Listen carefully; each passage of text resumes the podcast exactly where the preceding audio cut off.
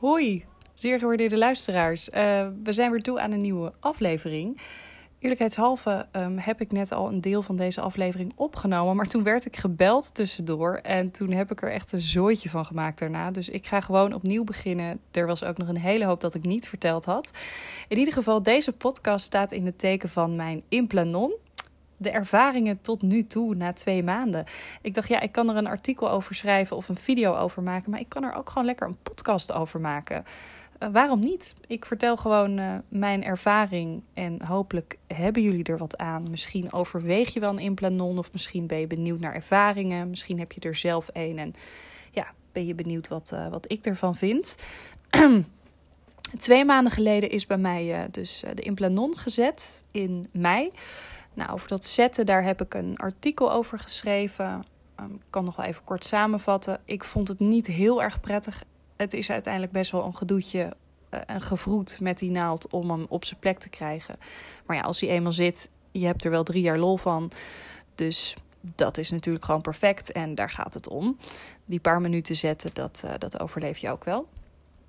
Waar ik van tevoren een beetje bang voor was, uh, dat hoor ik wel vaker van vrouwen die de implanon hebben. En daar was ik ook door mijn dokter voor gewaarschuwd. Dat je de eerste drie maanden heel erg last kan hebben van onregelmatige bloedingen. Nou, dat is natuurlijk geen pretje. Dan moet je overal weer tampons mee naartoe slepen, maandverband. Maar dat soort gezeur zat ik niet echt op te wachten. Maar ik had wel gewoon rekening mee gehouden dat dat zou kunnen gebeuren. Nou, ik moet je zeggen, dat is me echt alles meegevallen. Um, zoals ik al zei, ik heb hem nu ruim twee maanden en ik ben eigenlijk pas, nou, na anderhalve maand dat ik een beetje, beetje wat bloedverlies had. Dat was heel weinig, ging ook niet echt gepaard met de buikpijnen die ik kende van mijn normale ongesteldheid. Het viel echt heel erg mee. Dus dat vind ik een enorm pluspunt. Als dit zo doorgaat, hè, dat weinig bloeden, dan, dan vind ik het gewoon echt top. Daar ben ik heel blij mee. Natuurlijk zit er ook een, uh, een keerzijde aan die implanon, zoals alles een keerzijde heeft. En dat is eigenlijk uh, ja, waar ik het nu ook even over ga hebben. Want dat heeft me wel een beetje overvallen. Je hebt het uit de titel van deze podcast al uh, op kunnen maken. Hoe ik veranderde in een draak. Want ja, dat ik af en toe wat draakachtig gedrag vertoon, dat mogen duidelijk zijn.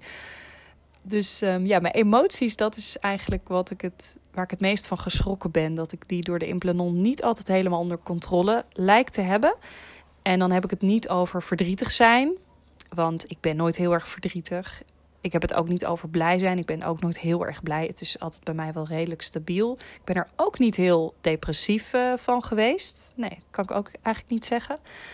Maar wat ik er wel van ben, en van merk is dat mijn irritatiefactor of mijn irritatietax, die wordt wel redelijk snel bereikt. En dat, dat is echt een heel onprettig uh, gevoel. Ik ben eigenlijk, um, ik heb dat met de pil ook wel gehad, dat ik echt van die buien had. Nou, dan kon ik chagrijnig worden om het minste of geringste. Tijdens mijn zwangerschappen ging het altijd echt heel erg goed. Dan werd ik eigenlijk nergens chagrijnig om en was ik altijd blij en vrolijk. Maar nu ja, ben ik, heb ik, ik heb echt een tijdje een constant geïrriteerd gevoel gehad. En dat sloeg helemaal nergens op. En dan kon ik mezelf ook niet meer even toespreken of even vermannen dat ik zeg: San, grow up. Je hoeft hier niet chagrijnig om te doen. Uh, weet je, het was bijvoorbeeld tussen mijn vriend en mij dat ik dan veel feller reageerde op opvoedkwesties. Of dat ik het pertinent oneens was met hoe hij bepaalde dingen aanpakte. En ja, dat dat ook bijna niet in een overlegmodus ging, maar ja, dat ik dat heel geïrriteerd bracht en zo.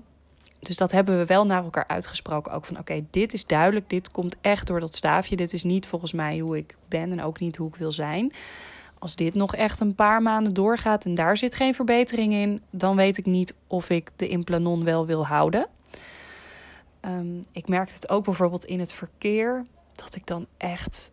Ja, ik ben, op, op zich ben ik redelijk geduldig in het verkeer in ieder geval. Maar nou joh, nu heb ik af en toe buien dat ik echt dingen bedenk in mijn hoofd. Wat ik met iemand zou willen doen. Dat is ook niet gezond.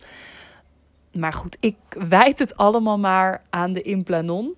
Dat, uh, dat het er komt. Ik ben ook niet een type die heel erg bijwerkingen op gaat zoeken op internet.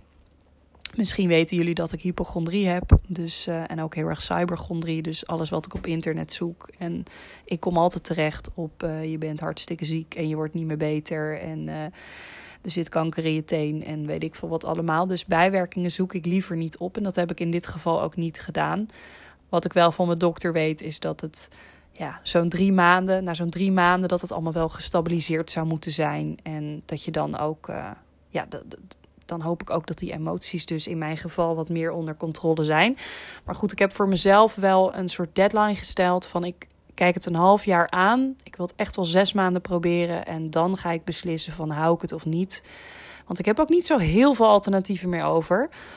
Um, ja, dan kom je toch in een spiraal of een prikpil of wat dan ook. Maar goed, dat gaat weer buiten het onderwerp van deze podcast de Implanon dus, ik ben er um, qua werking ja, eigenlijk heel tevreden over. Dat wil zeggen, ik ben nog niet zwanger. En uh, ja, ik heb ook geen bloedingen. Um, hoe die mijn emoties uh, op dit moment uh, reguleert. Ik heb gewoon echt het idee dat dat door dat ding komt. Daar valt echt nog een hele hoop winst te behalen. Um, ja, ik weet niet wat het is. Misschien herkennen jullie het wel. Dat je echt gewoon zo geïrriteerd bent dat je jezelf bijna niet meer herkent.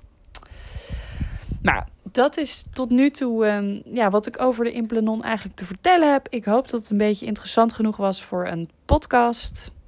Um, ja, ik weet, ik, ik, weet niet. Zijn dit onderwerpen waar je podcast over maakt? Ik heb geen idee. Ik vond het in ieder geval wel leuk om mijn ervaringen te delen. En uh, ja, ik zou zeggen op naar de volgende aflevering. En bedankt voor het luisteren.